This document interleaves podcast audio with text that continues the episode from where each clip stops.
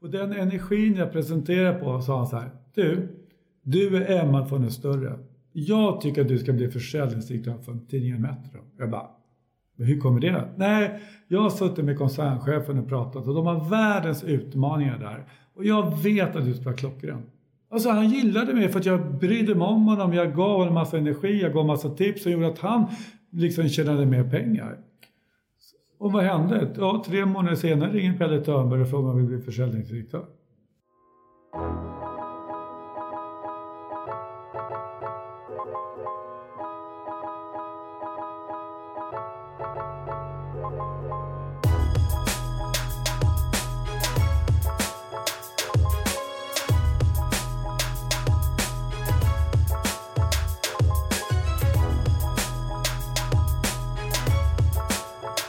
Välkommen till Stjärnsäljarpodden med Thomas Andersson och Filip Gossi. Eh, podden för dig, för dig som antingen är eller har ambitioner att bli en stjärnsäljare. Idag kommer vi att prata om värdet för kunden och den personliga vinsten av att vara säljare. Eh, vår gäst, han har mer än 30 års erfarenhet som säljare, försäljningsdirektör och egen företagare. Bland annat inom MTG-koncernen där han vann pris som bästa säljorganisation i hela mediebranschen. Och om man hör runt om den här personerna så är han en av toppsäljarna och entreprenörerna i Sverige. Han får verkligen saker att hända och har en förmåga att leda och utveckla säljkoncept som få. Just nu aktuell med boken Sälja bra eller sälja bäst. Varmt välkommen Peter Peppe Ekmark. Tack så mycket. Välkommen. Välkommen. En ära att ha dig här. Tackar, tackar. Kul att få vara här.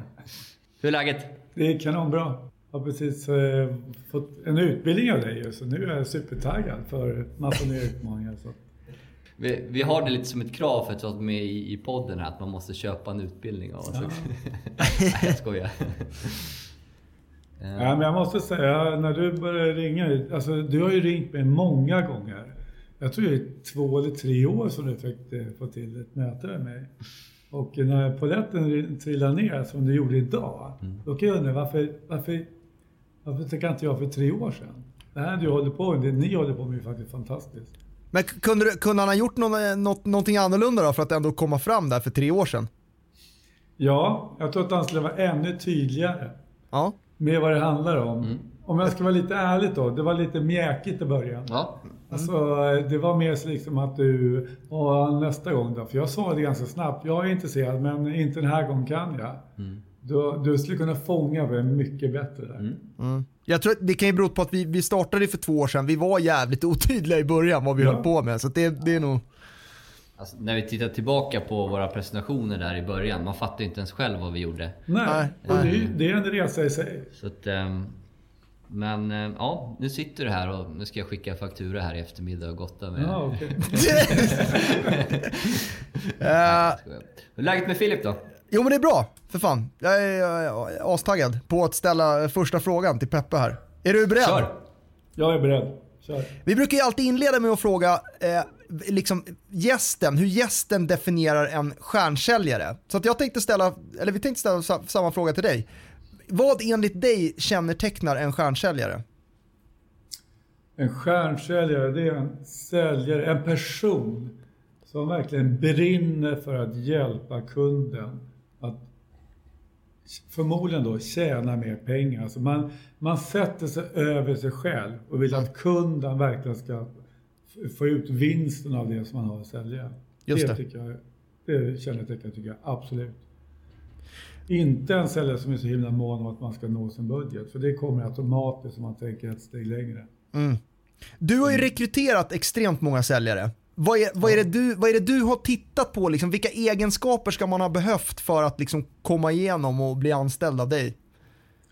Alltså det är rätt intressant det du säger, för de flesta människor idag som söker säljare, de letar bland säljare. Ja. Och försöker hitta dem. Och eh, jag hävdar bestämt faktiskt att av alla säljare som finns så är det 20% som är riktigt bra säljare. Och av de 20% så är det 20% av de extrema stjärnsäljarna. Och om man tittar så, de extremt duktiga säljarna, eller de som är bra säljarna, de har ju förmodligen ett bra jobb och tjänar ganska bra med pengar. Så de är mm. rätt svårt att attrahera. Därför får man kanske inte alltid de lättaste de i början. Så jag har alltid valt att leta efter människor istället. Med mm. drivkrafter, med vilja. Alltså, man kan se det hos människor. Men de kanske inte kan sälj. Men det går ganska lätt att lära sig sälj om man bara har de drivkrafterna från början. Så mm. mitt svar är, jag tittar alltid efter människor. Och att folk inte vet att det är säljyrket de är ämnade för. Absolut. Alltså, det sista, jag var med och var med och startade en lokal tv-kanal. Och då tog jag in två stycken personer. Ena killen hade aldrig jobbat som säljare, han jobbade i en klädbutik. Och tjejen jobbade i en pressbyråaffär. Och vi tog in dem på en intervju på en lite så här audition som jag brukar göra. Otroligt spännande. Det roliga var 2012, då blev den ena killen eh, årets säljare på MTG och tjejen blev årets säljare på SBS radio. V vad var det du såg i dem på den auditionen? Glöden. Jag såg glöden hos de här människorna, viljan. De mm. ville verkligen någonting. Och det är det man försöker locka fram. Det påminner lite om, om eh, hur du kom in i sälj Filip. Du sökte ju ett jobb som projektledare. Mm, back exakt. in the days. Ja, nej, men jag, jag har ju gått lite den, um, alltså att jag inte hade en aning om att jag skulle jobba med försäljning. Nej. Alltså jag hade inte en tanke på det. Det var någon som hade sagt det någon gång. Ska, ska, du har inte funderat på försäljning? Men jag tänkte nej för fan säljare, det vill man inte hålla på med. Liksom. Det, är bara, det är bara sådana som är jävligt jobbiga som ringer och ska kränga mm. telefonabonnemang. Liksom. Det var så jag tänkte. Och, ja, fan vad fel man kan ha haft och fan vad bra att jag hamnade där jag hamnade. Uh, det är jag väldigt glad för. Ja, men det, det, är det som är så intressant. Det du säger, det är synd att vi säljare, att ryktet om oss är så eh, negativt. Ja. Men om backar bandet, när jag själv blev säljare, jag var ju så otroligt blyg när jag var liten. Liksom. Världens sämsta självförtroende och självkänsla. Jag gick om skolan två gånger, inte för att jag var dum, utan var så blyg. Ja. Men sen så fick jag chansen att börja på ett säljjobb. Och då kände jag någonstans liksom, men vänta nu, det är ingen som kan, känner mig. Nu ska jag prova mina egna vingar. Och jag var ju tvungen att bevisa för alla andra att jag var duktig. Och det var ju det som blev min drivkraft. Och sen när jag själv kände liksom, vänta nu, jag kan det här jobbet. Jag tycker det är kul att träffa de här kunderna. Det var så jag började. Men om någon, jag kommer ihåg min gamla chef, han sa till mig, Peppe, jag fattar inte hur du säljer.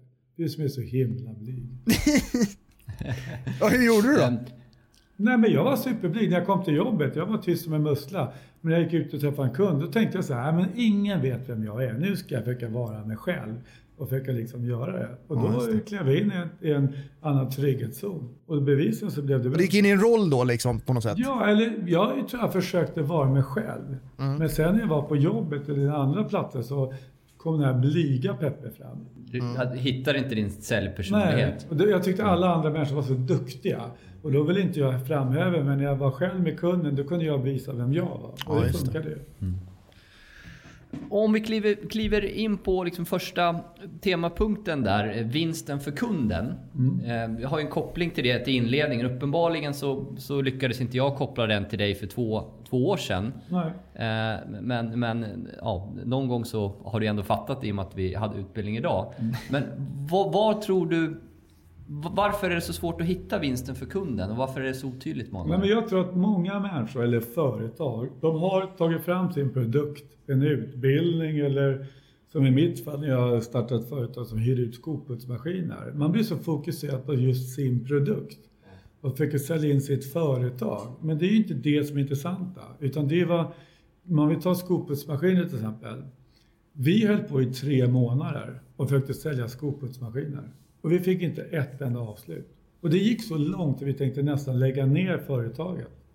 Men så började vi tänka till så här, men vänta nu, det är ju inte maskinen som fått betalt, utan det är ju vinsten med maskinen. Mm. Och när vi började tänka så, då började vi liksom ta fram argument, så här, egenskaper, fördel och vinst. Tänk så här liksom, vad, är, vad finns det för egenskaper med en skoputsmaskin? Jo, man kan putsa skorna. Vad är fördelen med det då? Jo, skorna blir rena. Och vad är vinsten med det? Jo, man ser faktiskt lite mer välvårdad ut. Okej. Okay. Vad, är vad är egenskapen med att se välvårdad ut? Jo, man ser liksom, eh, gör ett bra intryck. Vad är fördelen med det då? Jo, de man möter märker att man faktiskt bryr sig om sig. Vad är vinsten med det då? Jo, att man får en bättre helhetsupplevelse. Och det är sådana saker som vi börjar fundera på. Mm. Och det är då vi insåg liksom att det här med vinsten för kunden, varför man ska en skoputsmaskin, det var ju då liksom allting släppte. Och jag märker det varenda gång. Jag hade en utbildning nu nere i, i Hooks herrgård i veckan och alla pratar om sina egna produkter. Ja. Men det är inte det. Det är samma med era utbildningar som jag tyckte var fantastiska. Hade du berättat mig för två år sedan att den här kursen kommer att hjälpa dig att få massa nya kunder. Men det sa du inte. Du sa bara, jag vill utbilda dig i LinkedIn. Jaha.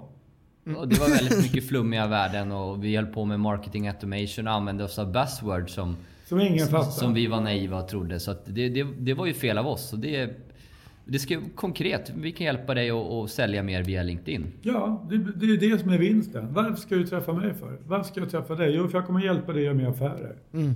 Alltså ett sånt här superexempel när jag träffade Audi. Så ringer jag till Audi och får till ett möte efter massa tjafs. Jag är på tidningen Metro då. Och han säger så här, jag är inte ett dugg intresserad av att eh, sälja reklam, eller göra reklam, köpa reklam i en dålig gratistidning. Våran, våra premiummärke ska inte förstöras där. Okej då, men hur många bilar säljer du varje månad överhuvudtaget? Ja, jag säljer runt 50 bilar. Om jag kan hjälpa dig att sälja 100 bilar per månad, är du intresserad av att prata med mig då? Ja, hur ska det gå till, säger han. Ja, det är det vi ska prata om. Mm. Förstår ni skillnaden? Ja, visst. Och de flesta ringer bara för att de vill sälja någonting. Men du ska ju sälja vinsten med det. Och jag har ju läst din, din bok Sälja bra eller, eller Sälja bäst och då, då pratar du mycket om, om det här. Och då pratar du även om hur man rent konkret ska gå tillväga för att hitta de här sakerna. Hur, hur gjorde ni för att komma till underfund med det här? Ja, men vi, fick ju, vi insåg någonstans att eh, ska vi lägga ner verksamheten? Men det, någonstans så fanns det här magkänslan liksom, att vi var ute och vi, vi krängde maskiner. Och sen när vi satt och funderade på varför köper ingen det? Och då var det liksom någon som sa, men vänta nu, vi pratar ju bara om att man ska ha en skopasmaskin, men inte varför. Och det är ju den liksom essensen som jag tycker är så viktigt där liksom med eh, var, var, var, varför ska jag betala 600 kronor i månaden? Vad får jag för de 600 kronorna? Ja, och så börjar vi tänka så här, för 600 kronor då kommer vi faktiskt kunna få välputsade skor. Vi kommer få kunder som kommer till företaget och säger att vi har en skoputsmaskin och det hajar man till på på en gång. Vi kommer att få en säljkår som ser snyggare ut, mer välvårdad ut. Det, vi som jobbar med sälj, man underskattar det första intrycket. Mm. Alltså du, Thomas, du sitter ju i kostym idag. Du ser ju otroligt framgångsrik ut. Jag tycker verkligen det. Och jag säger inte att vi ska ta på oss kostym och se på det sättet ut. Men det intrycket man gör, det är viktigt. Man har väl- pengar... Ja? Man har väl sju sekunder på sig eller någonting, alltså att göra ett bra första Ja. intryck. Eller, eller det, det, ja, ja. Och, och då är det ju liksom, vad har man att jobba med? Ja, men alltså, det står i min bok. Alltså, det är 7% av det man säger på ett möte och det man upplever. Det är 7% är det man pratar om. Ja. 97% är liksom utseende, liksom hur du beter dig, hur du ser ut, till och med frisyren. Allt Ja, påverkar. ja. Ja, Tack, men det ska sägas efter att ha läst din bok så jag tror aldrig jag putsat mina skor så länge som inför idag. Och det var något med powerpoint-presentation jag var tvungen att gå in och ändra igår bara Ja, så, så ska man inte göra. Så att jag, jag försökte. Men fråga, fråga en tjej vad de kollar på först. De kollar inte på ansiktet, de kollar på skorna. Tjejer är galna i skor. Och inte bara sina egna, så är det. Det är sant. Alltså, jag måste köpa nya skor här, känner jag. Men du pratar ju mycket i boken också om, om det här alltså personliga, hjärta och, och den typ. Men du pratar ju också om struktur. Kan du berätta lite mer kring strukturbiten, hur, hur du tänker där? Ja, men alltså det, allt, allt är ju någonstans ett numbers game vi håller på med. Ju mer möten vi är ute på, ju mer större chans är det till affärer. Och jag brukar ofta säga liksom att om du har fått till ett möte, då i min värld, då har man sålt halva produkten. För det är det som ger energin. Men det är ju rätt jobbigt också att boka möten. Och jag märkte ganska tidigt liksom att folk, du vet, vi säger att man ska ha åtta eller tio möten i veckan som många har som krav. Men följer man upp dem så kanske landar på tre, fyra i veckan. Och det beror ju, det är bara att tänka in själv. Hur kul är det att komma på måndag morgonen och lyfta luren och jaga hela dagen för att få till de här mötena? Så det, det är där motståndet börjar. Men då handlar det om att bryta ner motståndet. Så jag kom på ganska tidigt, nej jag ska ha, två, mö- jag ska ha tio möten i veckan. Men jag ska inte boka tio möten i veckan. Utan jag, alltså, jag ska boka två möten om dagen. För jag vet ju liksom att halva jobbet är att få till mötena. Så varje morgon när jag börjar komma till jobbet, så gjorde jag ingenting annat förrän jag hade bokat två möten. Nej. Och jag avsatte till och med tiden fram till lunch och bokade de mötena. Ibland var jag klar efter en timme, ibland höll jag på till tolv. Ibland lyck- misslyckades jag, då var jag tvungen att hålla på till ett. Men på det sättet lyckades jag faktiskt boka in två möten varje dag. Det är ett skitbra tips. Och det var ju så mycket, så mycket skönare och så mycket roligare. Och sen gick jag på möten på eftermiddagen. Och så nästa dag samma sak också. Och sen är det ju med tiden liksom där med, om vi ska prata möten. Varenda gång jag var på möten så frågar jag kunden, känner du någon som du tror skulle passa för det här jag säljer? Och så fick jag ju två, tre lead. Så nästa morgon ringde jag och sa, hej jag träffade den här kunden igår, han tyckte jag skulle ringa dig. Till slut blev det liksom, det var ingen jobb. Det var, liksom, det var bara en del av rutinerna så att säga. Men, men, men att man strukturerar upp dagen. Absolut. Och som är tydliga. Ja, men på riktigt, många säger att eh, man, eh, många säljer gör två, tre, kanske fyra möten i veckan.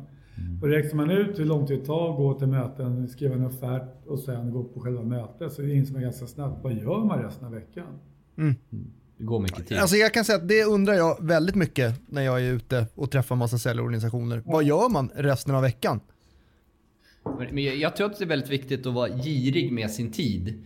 Ja. Eh, Jag försökte själv implementera, och, både på mig själv och när jag var säljchef, alltså rule of five, femman. Att om man varje dag kunde antingen ha eller boka fem möten. Då låg man alltid väldigt bra till. Alltså hade man tre möten så bokade man två. Hade man, ja ni förstår. Eh, Så man är girig med sin tid varje dag. Och Filip, du har ju testat nu det här med att arbeta ännu mindre men att vara, vara effektiv nere i, i Frankrike. Berätta. Mm, nej men jag, och- jag skrev ju lite grann om det på LinkedIn här förra veckan också. Eh, alltså, jag har ju gått in stenhårt och bokat mina möten mellan 8 och 9 varje dag. Eh, och sen har jag slutat. Och, och det, alltså det har givit mycket bättre resultat än när jag har suttit hela dagarna tidigare. Ja. Så att, så att, och bara liksom effektivt, då har jag liksom allting är klart, det är bara att köra på, precis som du säger, när jag kommer till jobbet då, liksom, då, då har jag allting fixat innan. Så att jag inte sitter och fipplar liksom med, ja, vad den här personen för mailadress eller vad den här personen för direktnummer. Liksom. Det har jag tagit reda på innan. Ja. Och så kör man bara. Och du är helt okontaktbar då, vilket, är- vilket är bra. Ja, exakt, det- då- då gör jag ingenting alltså, annat. du, du gör ju helt rätt. Alltså, jag, tog, jag sa till mig, till mig själv, jag fick inte ens ta en kopp kaffe. Nej, nej, för för att jag hade bokat mötet. Nej, Och, öppna, och, och, och på riktigt öppna mejlen. Nu fanns ju inte mejl på den tiden. Men gå och hämta tidning eller någonting. Nej, det fanns inte på kartan. Nej, nej, Utan det var ju det som var belöningen. För du vet det du gjorde, jag, kan, jag är helt övertygad om att du när du bokade dina möten och det var klockan nio, känner dig ganska nöjd med dagen, eller hur? Ja. ja, då har man ju liksom gjort det. Ja, har gjort jobbet. Ja. Och många skjuter ju upp det här som är så tråkigt, men det är ju det man måste ta tag i. Hur många känner man inte som sitter och fikar fram till klockan nio och då börjar det liksom komma igång? Alltså det är ju, Men, men, ja, Men det finns ju men- en anledning varför ni två driver eget företag. Ni har ju Ja, fattat men vad det det- handlar om. Ni har ju en inre drivkraft. jo men så Men, kan men det hela, vara. hela konceptet med 40 timmars arbetsvecka om man lyfter det. Jag säger inte till alla branscher, läkare etc. Men i vår kostym offi- office kontorsbransch. Alltså konceptet med 40 timmars arbetsvecka känns väldigt förlegat. Ja, absolut. Nej, men alltså, om, om jag vet att jag gör det jag ska göra. Och det, alltså man kan säga så här, fördelen med säljaryrket, det är att det är frihet under ansvar. Ja.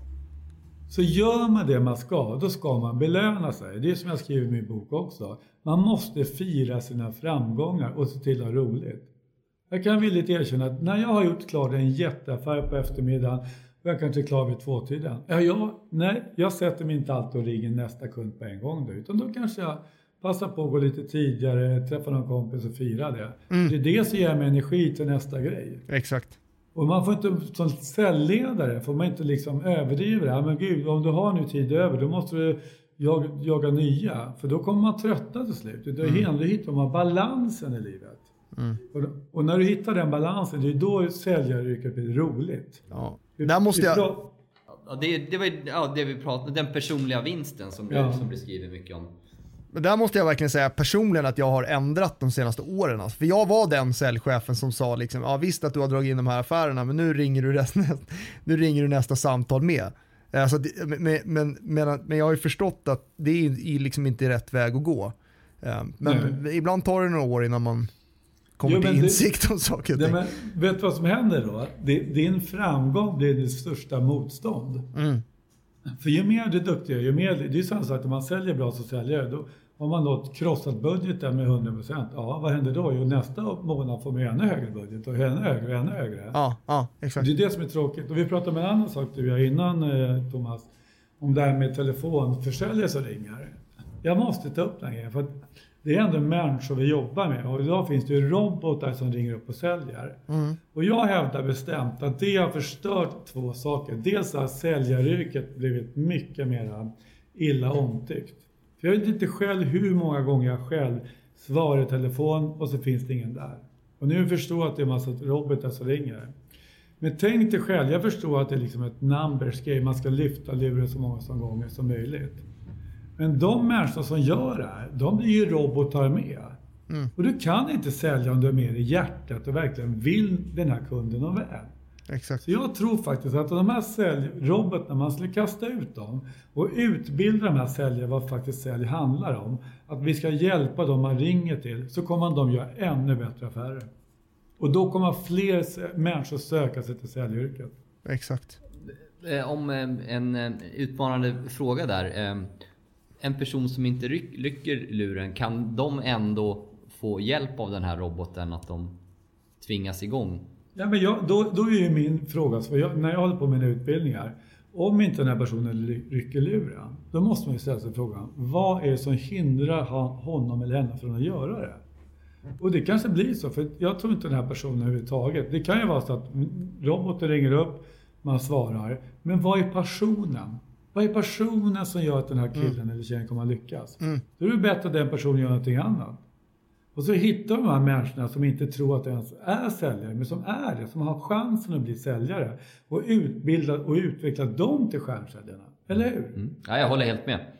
Jag, jag har jobbat med robot. eh, Jag jobbade väldigt mycket med telemarketing gen- genom åren. Och jag, jag tyckte att det var, var ganska irriterande många gånger. För jag, jag var oftast ändå motiverad och ryckte lur och de som inte var det tyckte bara det var jobbigt. Ja. Nej men och det är ju så, men du sticker ut. Återigen, det är därför ni har företag och har blivit väldigt framgångsrika. Men det finns ju de som, men när jag kom ihåg när jag gjorde mitt första säljjobb. Jag skulle sälja per telefon datautrustning. Det var ett företag som hette Dennis Bergström Trading AB. Och jag tyckte det var så fruktansvärt jobbigt. Att sitta och ringa per telefon. Och någonstans kände jag att det kanske inte är det här jag är bäst på. Så jag sökte mig istället till ett jobb bara att sälja brandsläckare. Så jag knackade upp istället. Och då kände jag, men det här var ju roligt. Sen insåg jag också att jag, om jag lär mig dessutom det, med det som är jobbigt med att lyfta luren. Så jag medvetet gick liksom kurser och i hur jag skulle jobba med det. Så, men det är ju så, man får ju träna, träna, träna. Men jag skulle aldrig någonsin be, eh, be en robot ringa upp ett samtal till mig. För jag vill veta vem jag ringer till, jag vill veta varför jag ringer. Hellre fem kvalitativa samtal än 20 fem, Ja, fem kvantitativa samtal. Du måste, det är det som jag tycker är skillnaden. man måste ju ha en idé om varför man ringer också. Liksom så här, men varför kan jag hjälpa den här kunden? Om jag ser den här öppningen, jag ser att den här grejen skulle jag kunna fixa på deras hemsida. Eller de, de gör inte det här ser det ut som i dagsläget. Eller de verkar vara liksom ineffektiva här. Ja, men, ja. Ja, men tjena, du, lyssna på de här samtalen som ringer. Jag tjena, tjena Peter, jag heter Kalle, ringer från Kom hem och allting så här. Jag bara känner på en gång. Tänk om de sa så här, hej Peppe, eller Peter. Eller, egentligen vet jag inte ens att jag ska säga mitt namn. Utan bara, hej jag heter Kalle Svensson, ringer från Kom hem. Jag vet att du har massor att göra och jag skäms för att jag ringer lite. Men det är ju mitt jobb. Och jag undrar bara, kan jag få två minuter av det bara för att berätta mitt budskap? Jag skulle, jag skulle faktiskt då, ja men den här killen fattar lite min situation. Det är klart att jag ska få lyssna på honom. Eller hur? Mm, Var lite ödmjuk liksom istället för att försöka smila in sig. Och, och sätta en tidsbegränsning Ja, på det, det absolut. uppskattar jag verkligen. Mm, ja, vi Och är, brukar, det så här, och är det så här, och är det så att du inte kan nu, finns det någon chans att jag kan ringa någon annan tid som passar bättre? exakt. Och, ja, men jag brukar också alltid fråga efter två minuter, just av respekt för mottagaren. Eh, och, och också det att när jag får, nej det passar inte bra just nu och så får jag, då, då ställer jag frågan när passar det bättre och då får jag en tid och en dag helst. Det är det jag frågar efter, är det någon speciell dag, är det någon speciell tid som passar? Och så ringer jag på den utsatta tiden. Och när jag ringer då säger jag ju liksom, ja vi pratades vid det förra veckan, du sa att jag skulle ringa dig torsdag klockan två. Nu är, torsdag, nu är det torsdag klockan två. Alltså det är också en respekt, men det är fan ingen annan som verkar göra det, för de blir så jävla paffa varenda gång. Bara shit, kommer du ihåg det? Ja. ja men jag håller med dig. Och, annan Och då har man ju vunnit mycket av förtroendet. Ja, en person som återkommer på utsatt tid. Ja, Hur många gör det? inte många du. Det är Nej. inte många. Och det Där beror ju på på att strukturen inte finns där. Man Nej. har ingen struktur på sin vardag. Det är därför man inte kan ringa på utsatt tid. Jag är helt övertygad om att de här människorna som kom på det här med robotarna är förmodligen sådana här Excel-människor som sitter och räknar på antal, gör jag 100 telefonsamtal och allting. Ja, på pappret så är det säkert jättebra. Men du kan inte driva företag med hjälp av Excel-ark. Det är med människor vi har att göra. Och jag skulle, om jag är någonting jag vill förändra så är det liksom att få det här yrket bli faktiskt fantastiskt. För med, utan säljare så kommer både Sverige och hela världen att stanna. Det finns i, alla jobbar med sälj. Men, men lite den här drivkraften eller vinsten att jobba som säljare. Ja. Har du ju pratat mycket om som jag tycker är intressant. Och det är så lätt att glömma den många gånger. Att man, man ska sätta sina samtal, sina mål och det är alltid nya budgetar. Hur kan man göra för att lyfta blicken och se Ja, men, vinsterna? alltså, jag brukar ofta jämföra med, vi tar Zlatan. Zlatan hade ju liksom en dröm. Han ville bli världens bästa fotbollsspelare. Han tyckte det, liksom, det var liksom hans stora passion. Han tränar ju varje dag. Även idag. Även fast han tillhör världens bästa fotbollsspelare. Han spelar tre matcher förmodligen i veckan. Gissar jag. Ungefär, ja. Ungefär. Och förutom det så tränar han sen varenda dag. Ja, han har blivit rätt framgångsrik, eller hur? Mm. Det, ju mer framgångsrik man blir, ju- ju roligare är ju sitt, sitt yrke. Man växer ju som människa, man får bättre självförtroende och så vidare. och så vidare. Vi som jobbar med sälj, vi går på, på matcher varje dag. Men vi tränar ju ingenting.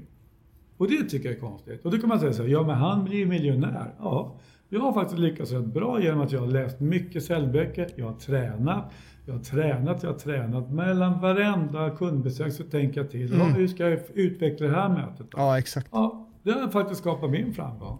Jag har skrivit två böcker nu, den sista boken nu, som faktiskt ligger på topplistorna till och med. Trots det att jag har skrivit egna böcker och läst säljböcker så fortsätter jag träna. Men det, det, det får ju mig att växa som människa. Det får ju mig liksom att känna att jag faktiskt kan hjälpa andra människor.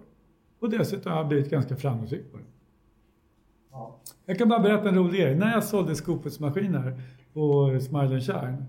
Eh, det sista mötet jag var på, det var på Audi när jag skulle sälja, skopet, eh, jag skulle sälja skopelsmaskiner till golfklubbar. Och då skulle Audi sälja, köpa reklam på de här skopelsmaskinerna.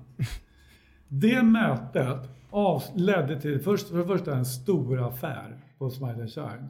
Men det mötet ledde till, just det mötet, att jag blev försäljningsdirektör på tidningen Metro. På vilket den, sätt då? den kunden, Dan Andersson hette han på, var marknadschef. Han var så imponerad över mitt driv, över min kreativitet. För jag kom ju med en, en idé, en lösning. Och den energin jag presenterade på sa han så här. Du, du är Emma från den större. Jag tycker att du ska bli försäljningsdirektör för tidningen Metro. Jag bara, men hur kommer det? Nej, jag har suttit med koncernchefen och pratat och de har världens utmaningar där.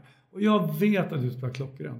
Alltså han gillade mig för att jag brydde mig om honom. Jag gav honom massa energi, jag gav massa tips som gjorde att han liksom tjänade mer pengar. Och vad hände? Ja, tre månader senare ringer Pelle Törnberg och frågar om vi blir försäljningsdirektör. Och det var bara en framgång. Hade jag inte viljat, hade inte jag jobbat, men jag har aldrig sökt ett jobb i hela mitt liv.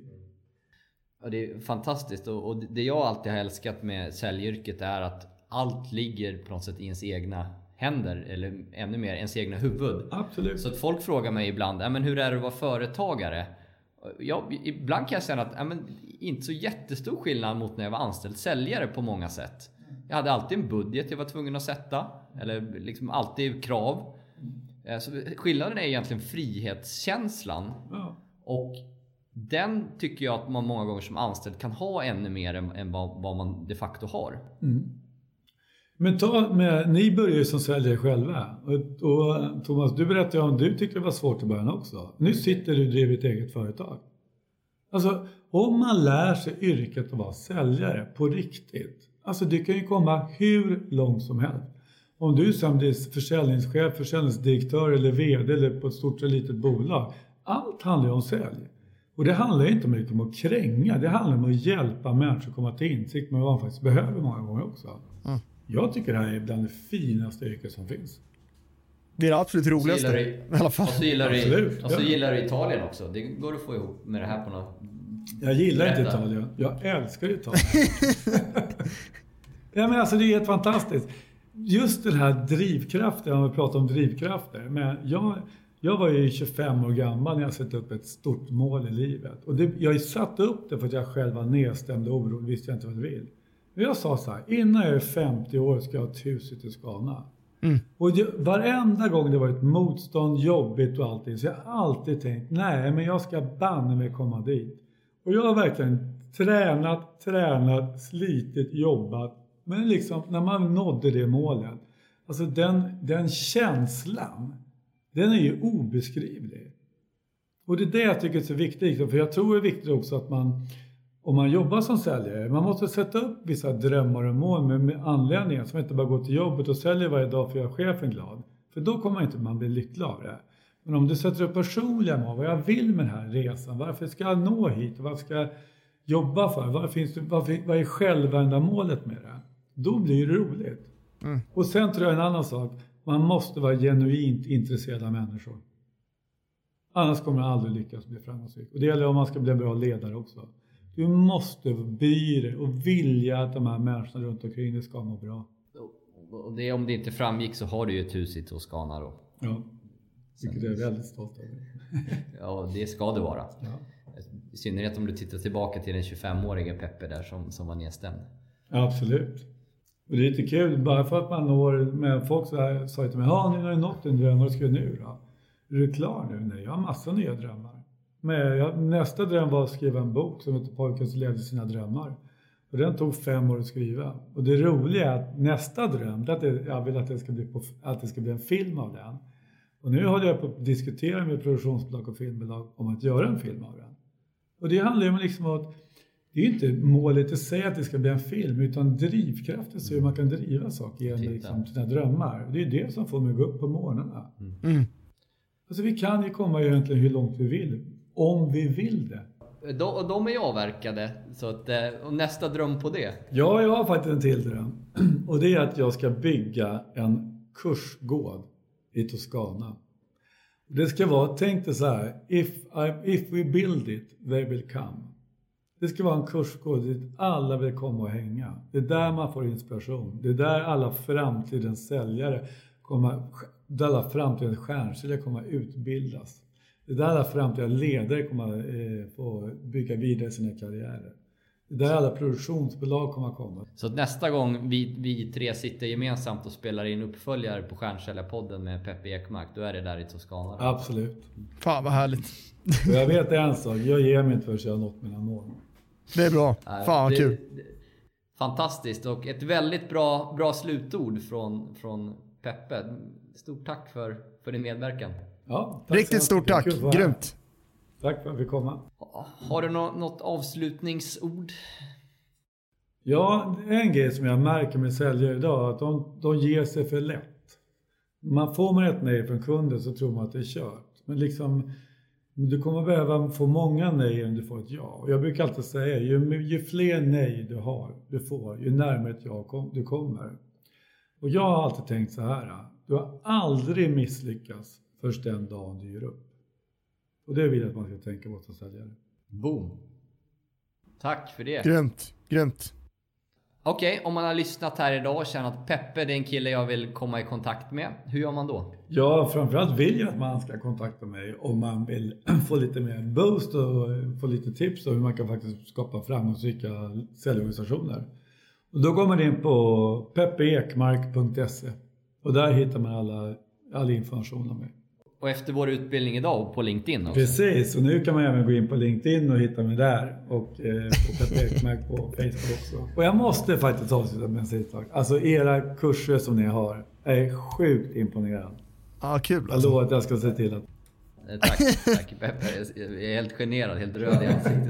Ja, men man ska ge beröm när det är någon ut bra saker. Tack. Riktigt kul. Tack så jättemycket Peppe för att du gästade dagens podd. Om man vill kontakta oss på Stjärnkällarpodden så är det Thomas Andersson, Filip Gossi på LinkedIn. Man får jättegärna följa oss på Instagram, då är det Multipipe Nordic. Eh, man får också jättegärna prenumerera på podden, då får man den lite eh, före alla andra. Och eh, ja, om man har frågor eller funderingar så får man jättegärna mejla oss. Våra, eh, våra mejladresser och telefonnummer finns på multipipe.se eller tixet.com. Som avslutning vill vi bara säga att den här podcasten har klippts, spelats in och produceras av Niklas Gossi på Story of You. Tack så jättemycket för att ni lyssnade. Ha en grym dag och vecka. Tack så mycket, ha det fint.